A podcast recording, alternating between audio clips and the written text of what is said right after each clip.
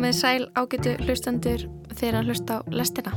Í þætti dagsins verður fjallaðum pólitískar fótballtatreyjur í Brasilíu og Danmörku um hilsusbyllandi listgjörninga og þögn í leikhúsi í London.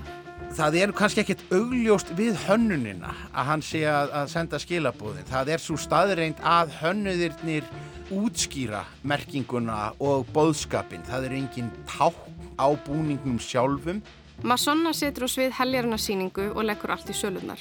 Þó innlifunin sé augljóslega mikil standa tónleikarnir oft ekki lengi yfir þar sem hann eigðilegur hljóðfærin og hoppar um af svo miklum ákafa að ekki líður á löngu þar til hann við meitt sig. Ég heiti Lóabjörg Björnsdóttir. Ég heiti Kristján Guðjónsson og þið er að hlusta á lestina þriðudaginn 11. oktober.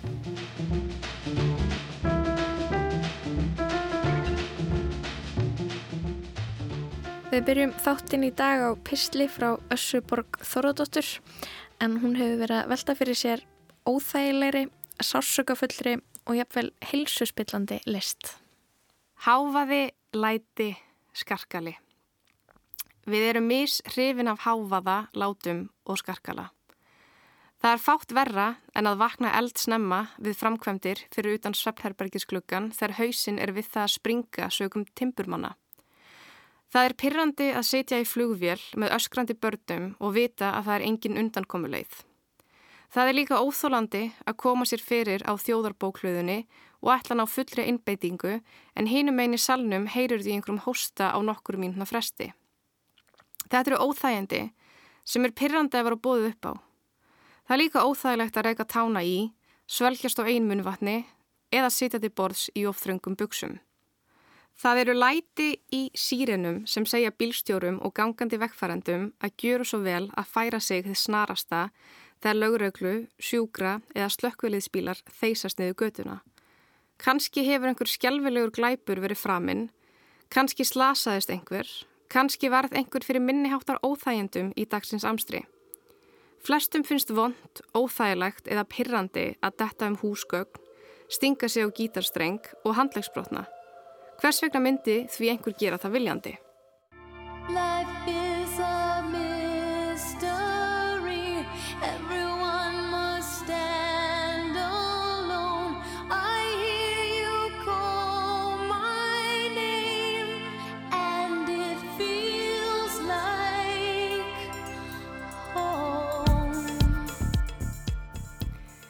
Japanski noise tónlistamæðurinn Masonna og ameríski grínistinn Erik Andrei eiga það sameinlegt að hafa verið fluttir með sjúkrabíl eftir að hafa brotið og bramlað hluti í nafni listarinnar. Eins og nafn tónlistarstefnunar gefur til kynna býrum að sonna til tónlist sem mörg myndu jafnvel ekki kalla tónlist sem er aðalega háfaði og alls konar hljóð. Í Japan má finna öfga kentustu útgafu noise tónlistarstefnunar en tónlistina skortir oft melodíu og taktbundna hrinjandi og augrar þannig fyrirfram gefnum hugmyndum okkar um tónlist.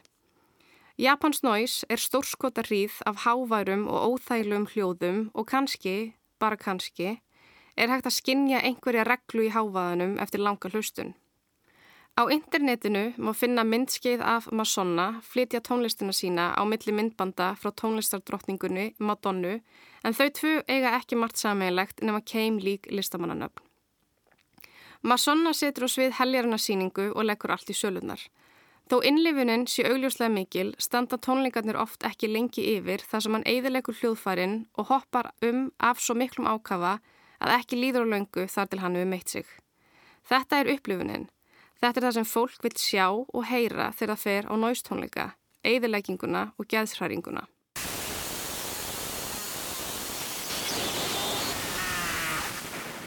Erik Andrei ætti að vera fleirum kunnugur.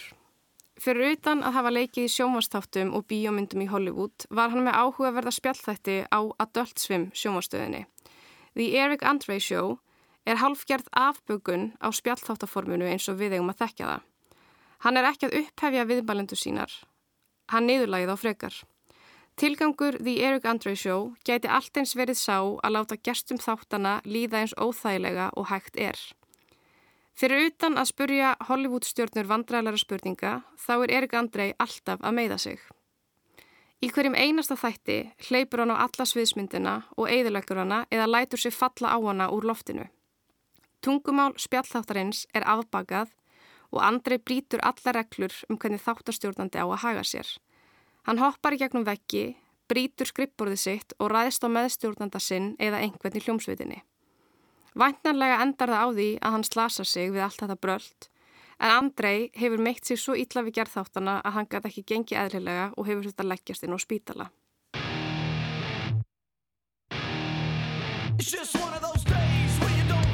Up. Everybody sucks. You don't really know why, but you want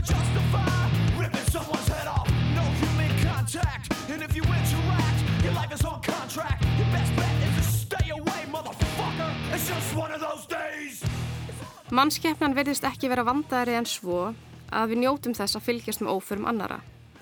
Við hlægjum af heima tilbúnum myndböndum sem sína fólk þetta Hlustum af áfergju á veru Ídleódóttur segja okkur sannar sögur um fólk sem hefur lendt í sjávarháska og akkurat núna tróna tvær serjur um raðmórðingjan Jeffrey Dahmer á toppi vinsaldalista Netflix á Íslandi. Við viljum sjá eitthvað ógeðslegt, kannski til að láta okkur líða betur með eigin hag. Þegar hort er á tónleika Masonna eða The Eric Andre Show er augljóst á þeir meiða sig en það verðist ekki skipta máli. Það er eins og Masonna og Erik Andrei finni innfandlega ekki fyrir sársökanum. Þeir eru með háfaða og virðast vera ónæmir fyrir líkamlegum eimslum. Er sársöki kannski bara hugar ástand? Ólíkt frægustu leikurum heims er Erik Andrei ekki með áhættuleikara sem lætur sér fatta til jarðar í stað hans. Það er engin í alvörinu ónæmur fyrir sársöka en við sem neytendur erum hægt og rólega að verða ónæm fyrir meðslum sem við sjáum í sjónvarpi og sviði þöks í áhættuleikurum heimsins og tæknibrellum. Það er kannski partur af sjarmanum og spennunni að vita að þeir meiða sig í alvörunni. Lætin eru ekta, háfaðin er ósvikin, beinbrotin eru raunveruleg. I hurt myself today to see if I still feel I focus on the pain The only thing that's real The needle En hvers vegna að láta svona? Hvers vegna að fórna líkama sínum?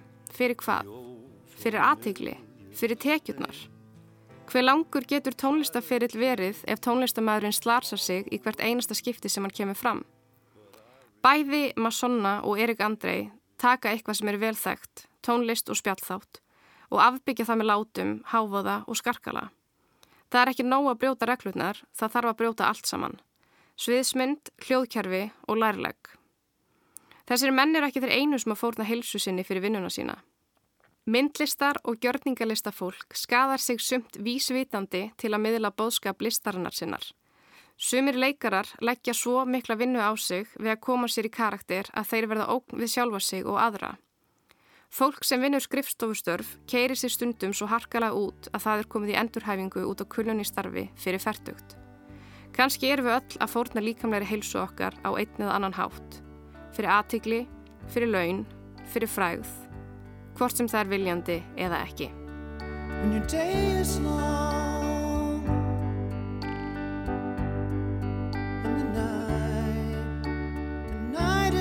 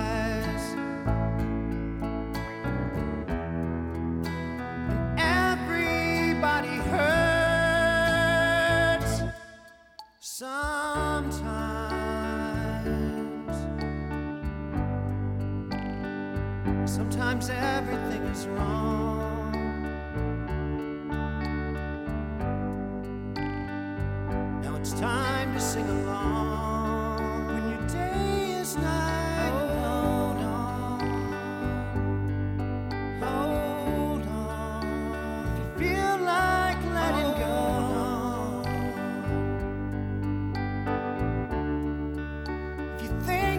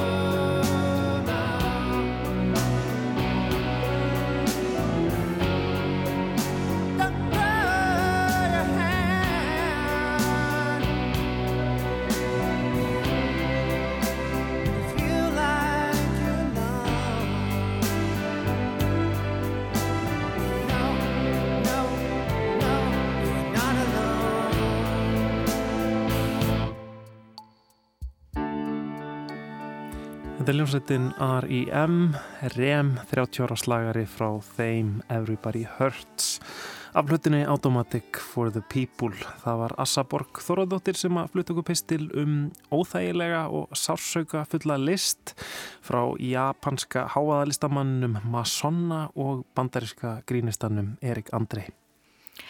En næst höldum við til Brasilíu. Bola para Rivelino, Rivelino para Jair, correu pela ponta esquerda, fraiu Paquete, passou por ele, lança a pelota Pelé, Pelé dominou, Carlos Alberto está livre, correu Carlinhos, atirou, gol!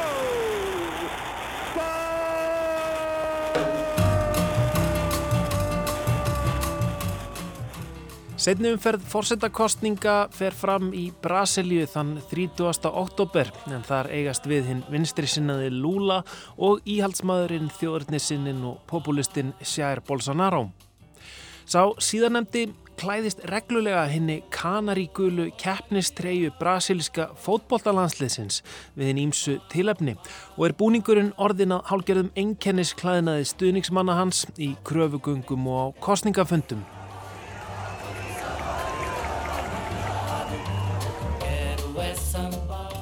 Íþróttavöru framleiðandinn Nike sem að framleiðir búningin um þessar mundir hefur reynd að fá fólk af ólíkum hliðum hins pólitíska litrófs í auglýsingar fyrir treyjuna til að vinna gegn þessari vopn væðingu hennar. En allt kemur fyrir ekki búningurinn sem þeir klættust allir Pele, Sókrates, Romario, Ronaldinho, Ronaldo og Neymar Búningurinn sem hefur lifað herfóringjastjórn og líðræðisvæðingu, vinstri og hægri sveplur er hættur að vera það saminningartákn þjóðarinnar sem hann var. Hann er orðin merki um klopning. Fótbolta elskandi andstæðingar Bolsonaros eru komnir í óþægilega stöðu sem er hafa reynd að taka táknið aftur með því að mæta á sína pólitísku fundi í gula búningnum en aðrir hafa gefist upp, vilja ekki láta sjá sig ofnberlega í trejunni og hafa keift sér bláan varabúningin til að klæðast í kringum heimsmestaramótið í Katar í desember. Sko, þetta, þetta er ekki fyrsta sinn sem að ríkjandi stjórnmálastjætt í, í, í tilteknum landi reynir að merkja sig með mjög afdráttalösum hætti við einmitt landslýðstreyju uh, viðkomandi uh, liðs. Það eru fáir sem hafa pælt meira í skurðpunkti stjórnmála og fótbolta en Stefan Pálsson sakfræðingur. Kannski frægasta dæmið er þegar að Berlusconi feri út í pólitíkina, maður sem að var kannski ég nýtti það alveg í istu æsar, tengsl sín við og eignarhalda á, á, á fótballtaliðum og stopnar í rauninni þenn, þennan flokk sko Forza Italia sem að bara, bara samsvarandi við, við, við það að, að stopna bara áfram Ísland eða húflokkin hérna á, á Íslandi. Og við höfum séð þetta sama uh, gerast uh, hjá stjórnvöldum í Peru nýlega. En það er nefndið alltaf merkilegt að, að þetta getur þó farið í allar áttir því að, að það er ekki nema ár liðið frá sko mjög viðtækum mótmælum í uh, Kólumbíu þar sem að í rauninni sko hér gagstaða gerðist mm. að mótmælendur uh, sem að, í því tilviki voru hreinlega að mótmæla því að Suður-Amerikumót í fótbolta er haldið með ærnum tilkostnaði sko ofan í bara COVID-faraldur og, og, og bara allt í, í rjúgandi rúst uh, í landinu og þá var það í rauninni sko uh, bara fataklingarnir og, og uh, þeir, þeir eignalösu sem að rísu upp og notuðu kólimpísku landslistregjuna sem, sem merki. Mm -hmm. Þannig að þetta, þetta fer í allar áttir. Einmitt, sko, búningurinn getur náttúrulega verið rosalega stert tákn og ég get ímynda mér að í landi eins og Brasilíu þar sem að hafa, hafa gengið í gegnum alls konar pólitískan óráa og, og herfóringjastjórn og, og, og hitt og þetta að sko, já, sönnu þjóðhættirnar eru þetta þessir sem að klæðast þessum gula búning. Já, sko, náttúrulega í mörgum löndum er, er tengingin enn augljósari þar sem að, að sko landsliðsbúningar eru að jafna því, alls ekki alltaf en, en, en e, þeir hafa tilningu til þess að vera í fánalitunum sem að því þá kannski að, að þetta höfðar þá enn frekar til þjóðurni sinna og, og, og hægri abla. E, Brasilíumenn eru rauninni daldið uh, frávik því að þessi uh, guli, þessi gula treyja var niðurstaðan af, af hérna mikill í hugmyndasamkeppni sem fór fram eftir sko hörmungar, sem sagt, verstastund brasilískra knaspinnisögu var þegar að öllum á óvörnu tóks brasilímanum að tapa e, í úrslitaleg heimsmestaramótsins 1950 á heimavelli. Nokkuð sem munum aldrei dottið í huga geti gerst. Þetta var bara þjóðar harmleikur og til þess að klippa á fortíðina að þá var meðal annars ákveðið að henda gömlu kvítu hérna landslýsbúningunum þetta er mjög óvinnilegt í sögunni vegna þess að ef það er yngvað sem að fólk uh, heldur fast í að þá eru það uh, treyjur. Menn gandast með það að, að, að það sko þú sé ekkert mál að samina hvaða fótbolltalið sem er í heiminum þanga til að, að kemur að því að ákveða nafnið og búningin mm -hmm. Já, það, þar, þar er engin, engin æfintýra mennska í, í uh, gangi uh, og þetta er eins og segi, þetta er uh, stert tákn og sérstaklega hefur þetta nú verið í Rómunsku Ameríku en, en við sjáum það víðar að þá hafa ráðamenn reynd mjög ákaft að, að, að tengja sig við fótbolltalandslið eða, eða, eða félagslið þegar að, að vel gengur. Mm -hmm. Hins vegar þá hafa allmargir svona einræðisherrar eða, eða populistar rekið sig á að fótbollt er mjög ódreiknarlega íþrótt og, og hérna og gæfa á fótballtafellinu er mjög fallvöld.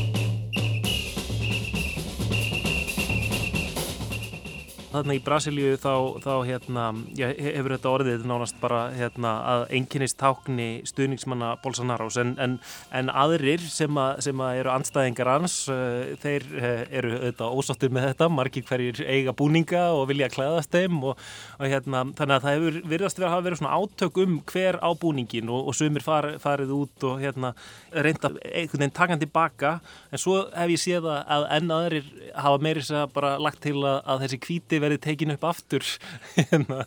Já, já, uh, svona að, einhvern veginn hafi fórsetanum já, mögulega fráfærandi uh, tekist að sverta búningin, það, það má, má velta því uh, fyrir sér við, við höfum séð svona byrtingamindir af, af þessu fyrir fáeinum árum þegar að eigendur Manchester United og á Englandi gengur fram af, af stuðningsmönnum uh, sínum sem að töldu að það væri verið að ræna félagið uh, innanfrá.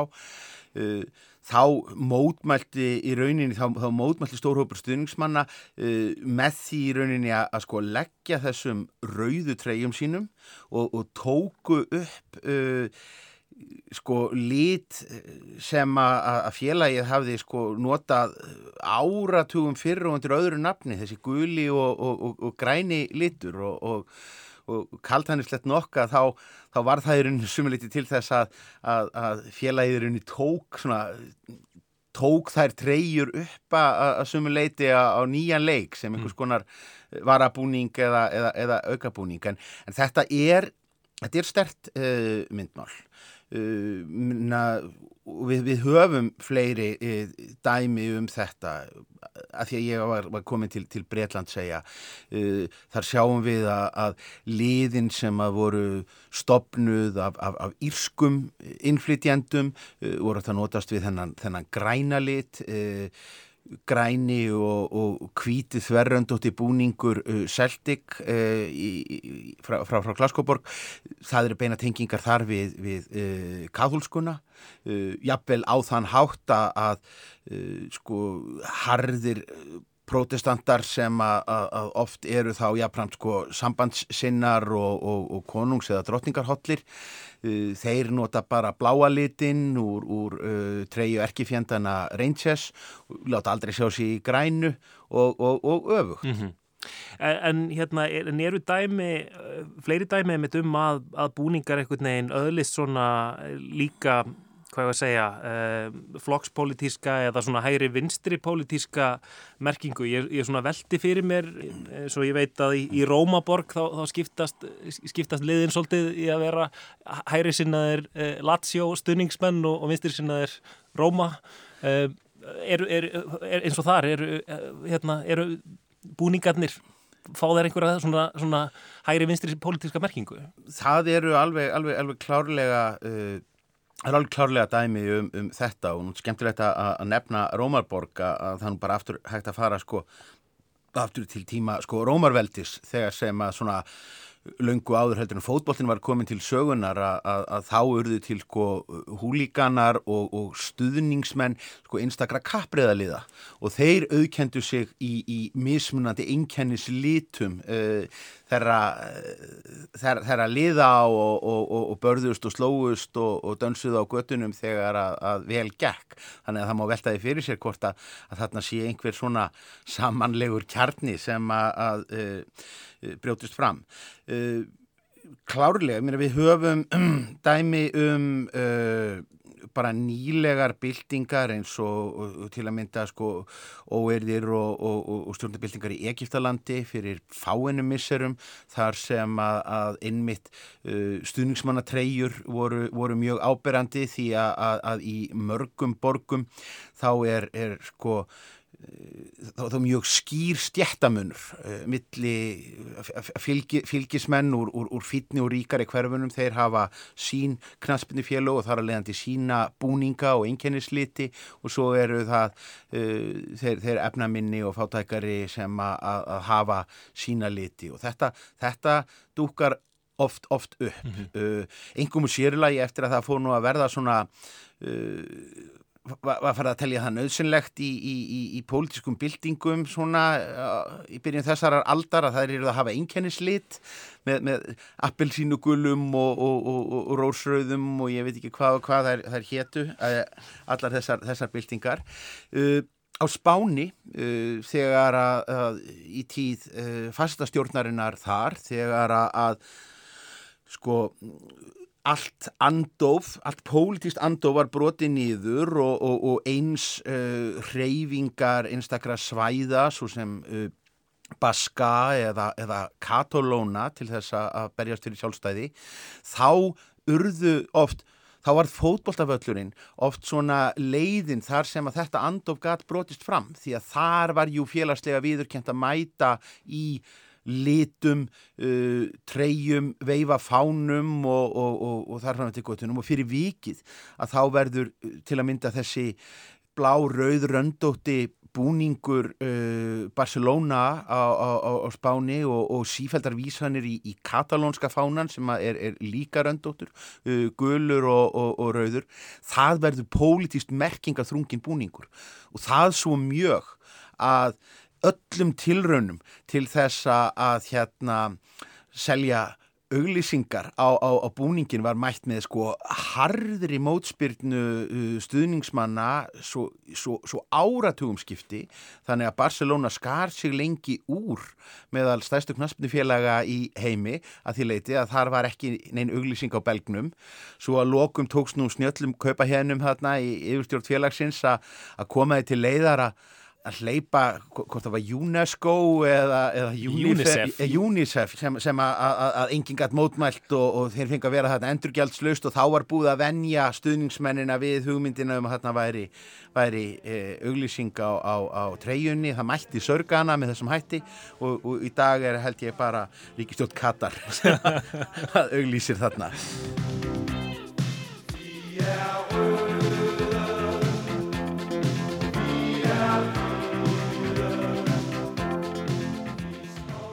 Brasilíski fótboltabúningurinn er ekki sá eini sem er orðin að pólitísku bitbeini fyrir heimsmestaramótið í Katar í desember.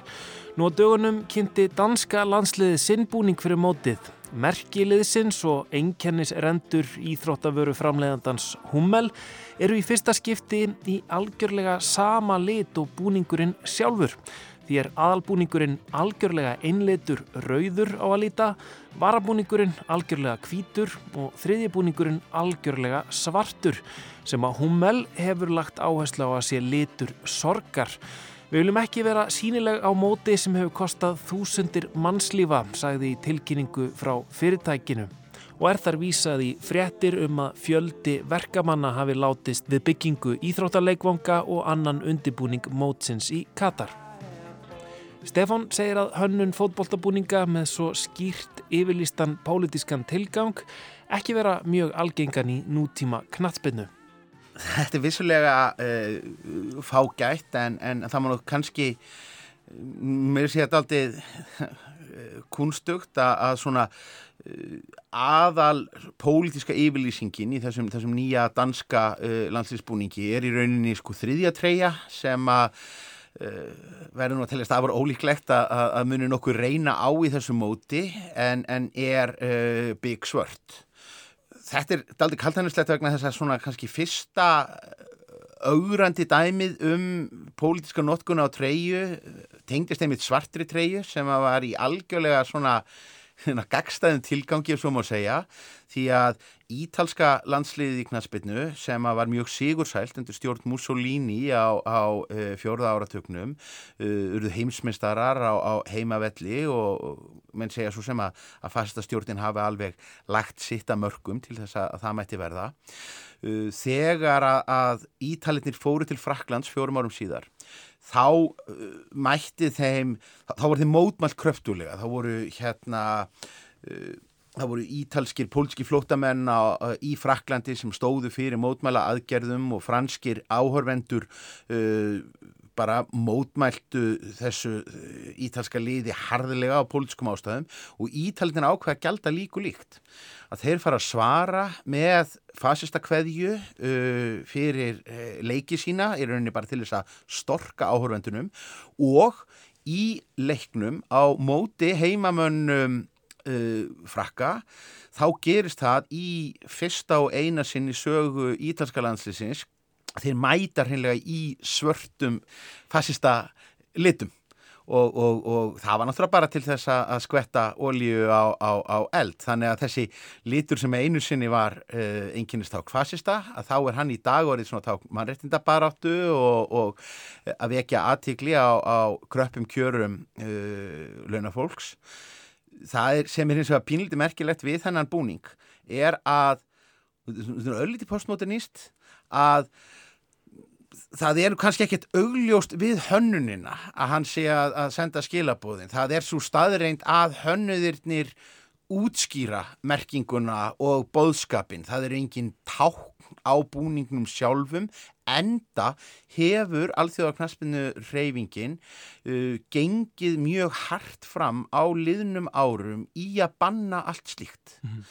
Þannig að möguleikandi til að mynda var, var mál sem að koma upp fyrir ekki nema árið síðan Uh, þá voru úkrænumenn gerðir afturrækir með uh, búning sem að, landsleisbúning sem þeir hafðu hannað sem að innihjalt nú sko annarsvegar uh, landakort sem síndi útlínur Úkrænu að krímskaga við bættum og þeir komist upp með það þrátt fyrir hörð mótmæli rúsa hinsvegar þá uh, stoppaði Evróska knatspinnu sambandið uh, þá í að vera með svona uh, vígorð Uh, á treyjunni sem að, að svona vísuðu í ukrainska sjálfstæðis baráttu og þetta er uh, bara þetta höfum við séð, séð lengi að, uh, að, að FIFA og, og, og UEFA uh, fóra á stað kannski fyrst í stað til þess að stöðva uh,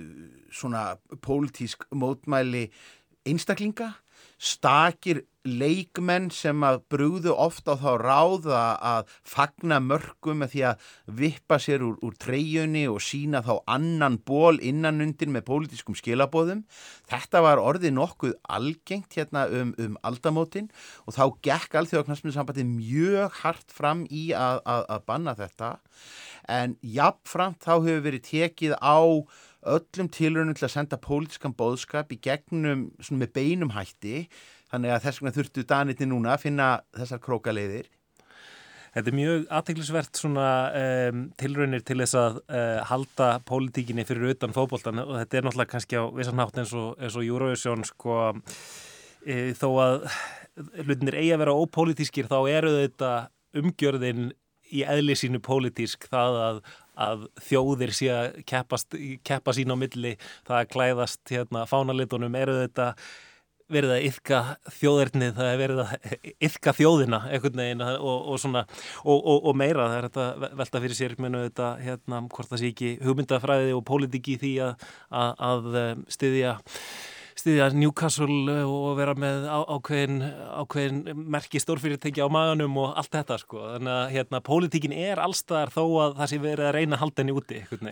Pól, pólitíkin er allstaðar og, og sko hvað skilgreinum við sem uh, pólitík, það eru þetta aldrei átök hér fyrir, fyrir uh, fáeinum árum þegar að, að uh, með fóru að nota sko regnbóafánan í, í, í svona leikmenn fóru að nota það sem, sem, sem armbönd eða, eða nota jafnvel regnbóa litina í, í e, fyrirliðabönd sem var bara litið á sem svona sjálfsagt nikk til e, mannreitinda baráttu á meðan að e, sem önnulönd lítu á þetta sem sko augrandi uh, og, og, og pólitíska yfirlýsingu.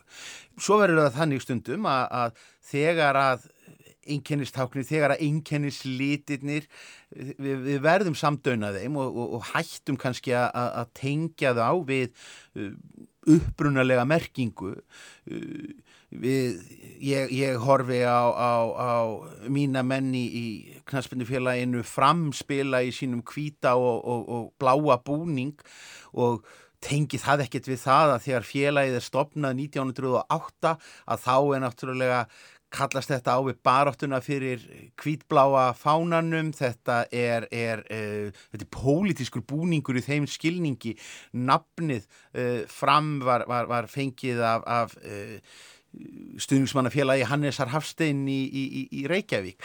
Með tímanum þá, þá svona dopnar þessi, þessi pólitík og, og stuðningsmenn uh, fótbóltaliða á Breitlandi leið ekkert hugan af því hvernig stendir á þessum grænu og hvítu röndum á, á treyjunni. Mm. Pólitíkin verður ósýnileg með tíma. Brasil e Itália. Prepara-se agora Tostão, cobrou para Ribeirinho, mandou a boca na meta, pula a peneca, desceu, gol! Falo que tem que ser dito pronto pra morrer de pé Pro meu filho não viver de joelho. Cê não sabe o que acordar com a resposta Que pros menores daqui eu sou espelho.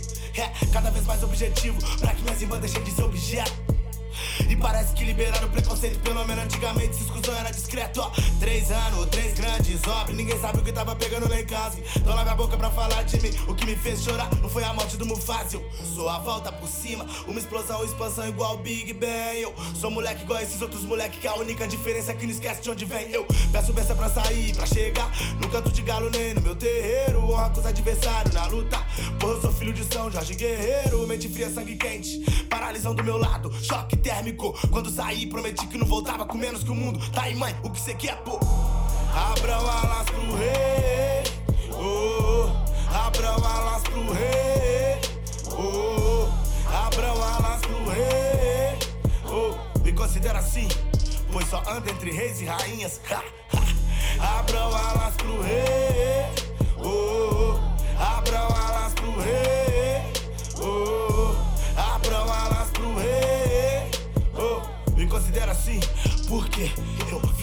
Enxergar em 3D. Deus, o diabo de onda, pô. It, please não roubar minha onda, oh. Que os mesmos 90 minutos não te faço lá igual quem joga e tem raça. da terra de nada vira.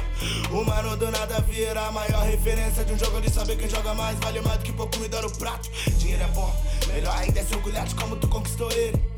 Aquelas coisas, né? O que se aprende no caminho importa mais do que a chegada. Isso te faz seguir real. Igual um filme de terror na direção de Jordan Peele. Aquelas coisas, né? Quem vai com muita sede ao pote, tá sempre queimando largada. É pra nós ter autonomia. Não compre corrente, abra um negócio. Parece que eu tô tirando, mas na real tô te chamando pra ser sócio. Pensa bem, tirar seus irmãos da lama. Sua coroa larga o trampo. Outro vai ser mais um preto que passou a vida em branco. Abram alas pro rei. Oh, abram alas pro rei. Oh, abram alas pro rei. Oh, me considera assim, pois só anda entre reis e rainhas. Ha, ha. Abram alas pro rei. Oh, abram alas pro rei. Oh, abram alas pro rei. Oh, me considera assim, pois só anda entre reis e lança aquele sós. Que você arrepia toda vez que ouve. Olha os playboy gritando que o Jonga mais OG Poupe me, poupe me. É, Me desculpa aí, mas não compro seu processo de embranquecimento de MC Eu sigo falando que vejo Tem irmão que tá falando que essa mídia que eu ouvi Alguns portais nem me citam É que eu já ultrapassei por competições pra ganhar do bonde. Não sejam tão trapaceiros Perca pra o grande adversário Não pra sua incompetência. Um castelo de areia não suporta de tsunami. Põe a mão na consciência E dizem que união de preta é quadrilha Pra mim é tipo um santuário Þetta er brasilíski rapparinn Dionga og lagið Hattrick. Hann er svona einn af þessum andstæðingum Bolsonaros sem að hefur verið að ég reyna að taka fókbaltatreyjuna aftur tilbaka, hefur komið fram á tónleikum í brasilíska fókbaltabúninum þessum gula og um, í lísti yfir andstöðu við, við Bolsonaro. Um, en um, já, það var Stefán Pálsson sem að spjallaði við mig um fókbaltatreyjur bæði danskar og, og brasilískar og, og hvernig pólitík byrtist í þeim. Og svo er spennandi að sjá hvort það verði einhverjar fleiri þjóðir heldur en um, danska þjóðin sem að munu reyna að koma með einhverja yfirlýsingu í búningunum á, á heimsmeistaramótinu í Katar uh, í november og desember. Já, ég held við byrjum flest spennt eftir því. Já, en við ætlum að halda næst til London.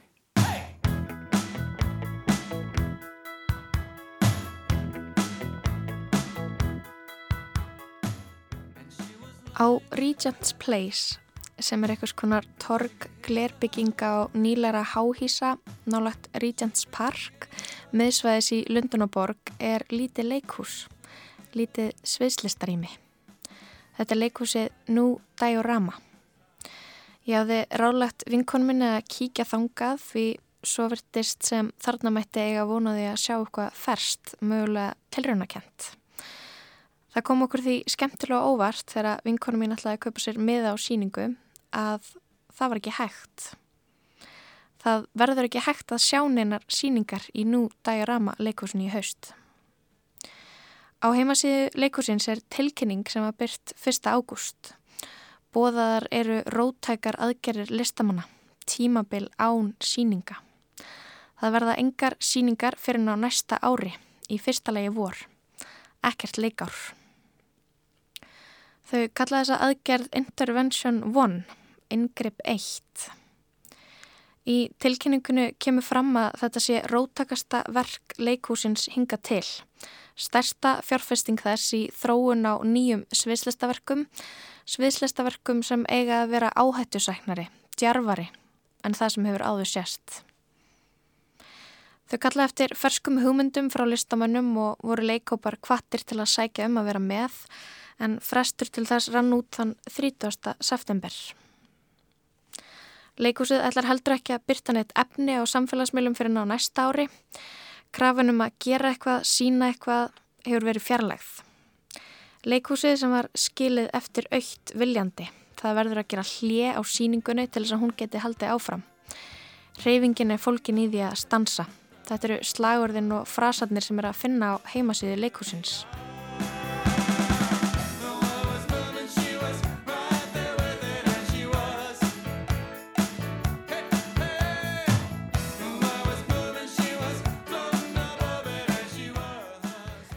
Ástæðunar fyrir þessu eru áhugaverðar. Í staðis að fara á stað með nýtt leikár eins og vanlega, eins og ekkert hafi í skorist, vilja þau fá mest spennandi leikópa bresku sviðslistasennunar með sér í lir í þróunavinnu. Þau vilja fara af hamstrahjólunu þar sem krafanum að framleiða er stöðug. Framleiðslan er svo ör að engin tími gefst til að hugsa, vera skapandi, rannsaka.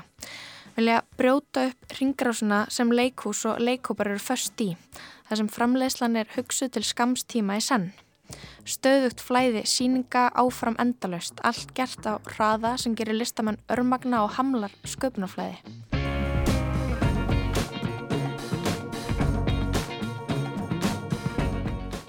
Listrætt stjórnandi leikúsins er listamæðurinn David Byrne úr hljómsveitinni Talking Heads.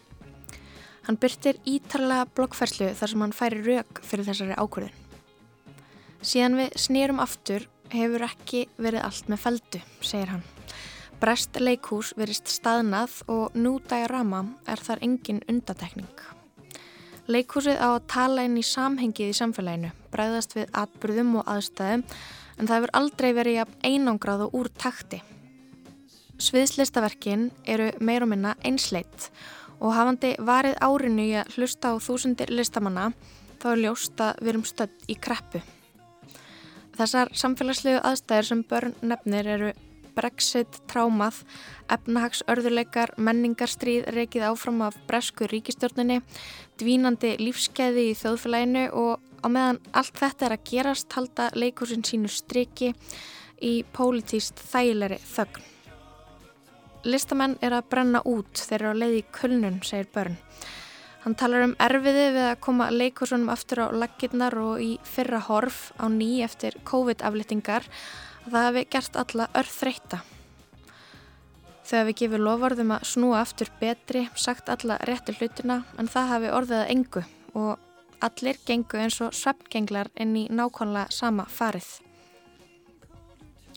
Börn talar um að listamenn neyðist til að gera leikhús sem höfðu til þeirra sem veita fjármagn og styrki, peninga upphæðir sem fari minkandi með hverju árunu. Listamenn séu hrættir við að augra gaggrínendum, hrættir við að skapa list sem er ekki auðmeltanleg og sé ekki strax tekin í sátt, strax lofið af öllum. Þessu hrættir við rittskoðarana. Hann segir að auðvitað hafi orðið til leikverk sem séu undantekningar á þessu en eflaust efist flestur um að leikhúsið geti breytt sjálfu sér. Hvað þá heiminum? Með því að staldra getur við haldið áfram. Stöðva framleiðslu til að skapa rými og fjármagn fyrir listamenn til að hugsa, til að finna sköpunarkraftin á ný. Án kröfunar um uppsetningar og niðurstöður og einhverja söluvenna vöru.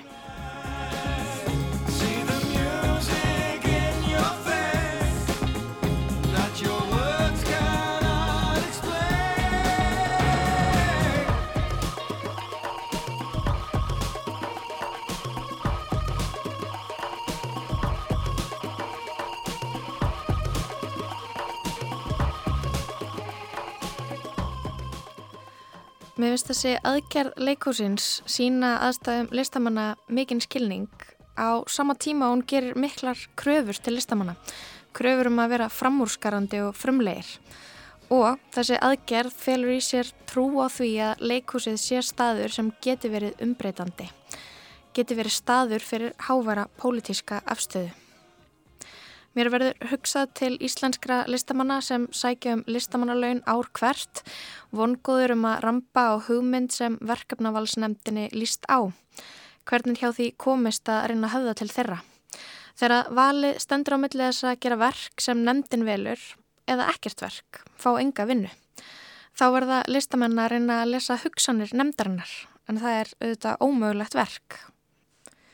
Umsóknarfrestur til listamannarlegina rann út á dögunum og nú býða listamenn þangar til í byrjun januar eftir að komast að því hvort það hafi vinnu á næsta ári. Býða og vona að hugmyndin hljóti einhver hljómgrunn á meðal nefndarinnar.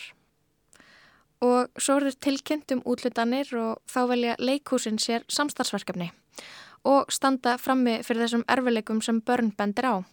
Eins gott að velja síninguna sem selst eitthvað á síning sem er ekki eins og tilbúin.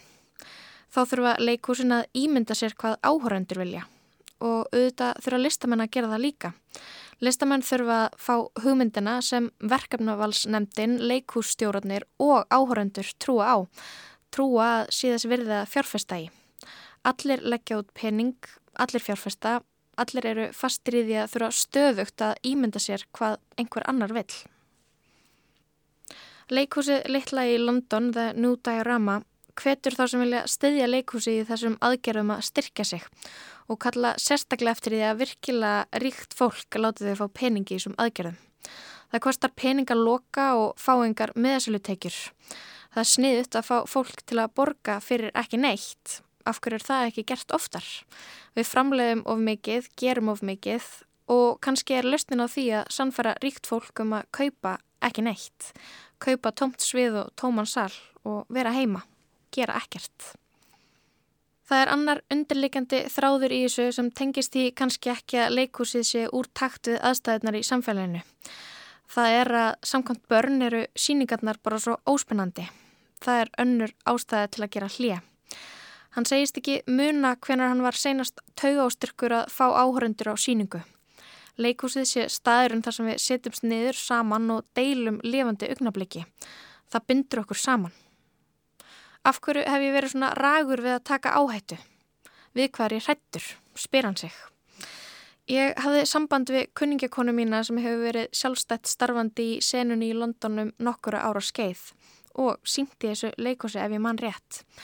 Ég spurði hana hvort hún hefði heyrta af þessu og hvað henni og fólki í kringum hana þætti um þetta. Jú, hún hafði heyrta af þessu og fólki í hennar kræðsu væri meðvitað um þetta. Hún satt opinn sumfund um lókununa Þar sem stjórnendunir sögust vera ornir leiðir á öllu sem þeir framleitu og það væri alltaf sama fólkið með sömu síningarnar. Þeir sögðu stopp og er að leita að ykkur nýju sem er geggjuð pæling, segir hún. En þeir vita heldur ekkert hvað þeir vilja og það var pyrrandi að hlusta á þá því að mann langar að sækja um en maður veit ekkert hverju þeir leita að.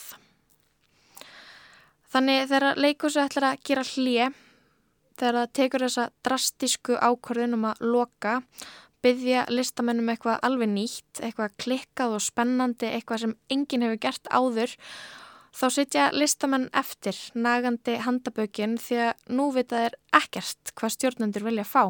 Allt sem hefur verið gert hinga til, allt sem þú kant, allt sem þú hefur gert áður, hendu því út um gluggan. Því að listamenn Þeir eru skapandi og þeir fá hugmyndirnar en alltaf býður þeirra sama verkefnið að reyna að fatta hvað stjórnendur vilja nema núna vita þeir ekkert hvað stjórnendur vilja, bara eitthvað allt annað.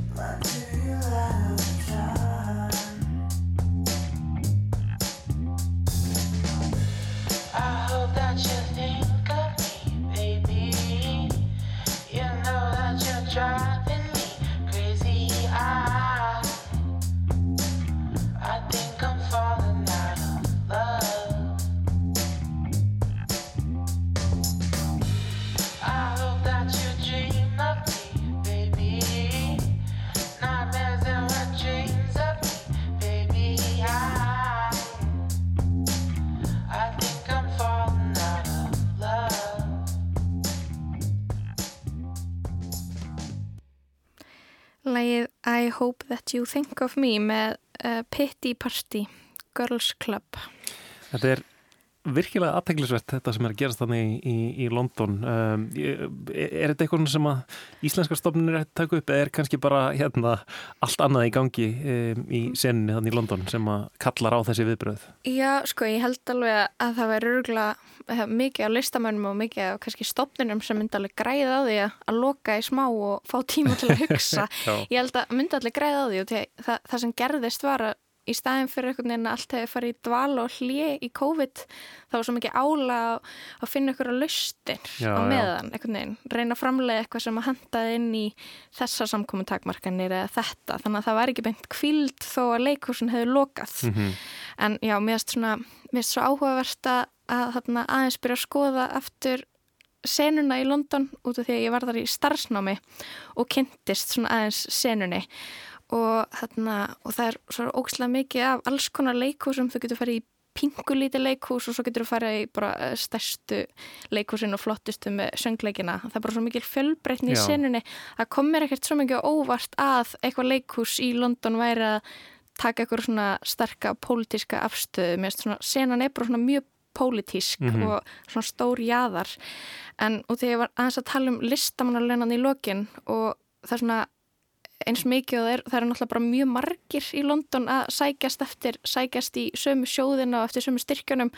Það er svona eitt sem þau gera sem mér finnst eiginlega bara að vera mjög frábær hugmynd sem er að það er sko lottó líka. Já, okay. Þú getur, þú getur sendin umsókn og hún er farið, það farið yfir hana eitthvað nefnd og þú farið já en svo er líka bara dreyið að handahófi og þannig fá mjög margir sitt fyrsta tækifæri, fólk sem væri annars ekki valið okay. og mér, þetta, er svo, þetta er svona gott jöfnunartól mm -hmm. því að þannig að það var engin að leggja mat á neitt, þú varst bara með umsókn í pottinum og hún var alveg handahófi Mjög aðteglisvært, það verður kannski hægt að bæta þessu við inn í listamannulögin hérna. Ég held að það geta alveg verið skemmtilegt, þá kannski fyrst byrju að fá eitthvað svona alveg, alveg eitthvað svona... Eitthvað óvænt. Alveg óvænt, já.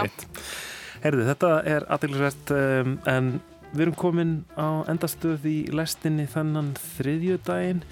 Við verum hérna á sama tíma á morgun um, en auðvitað alltaf aðgengileg í hlaðarsveitum, uh, Spotify, Apple, rúfspilaranum og bara alls þar á netinu. Það er hægt að finna okkur við það.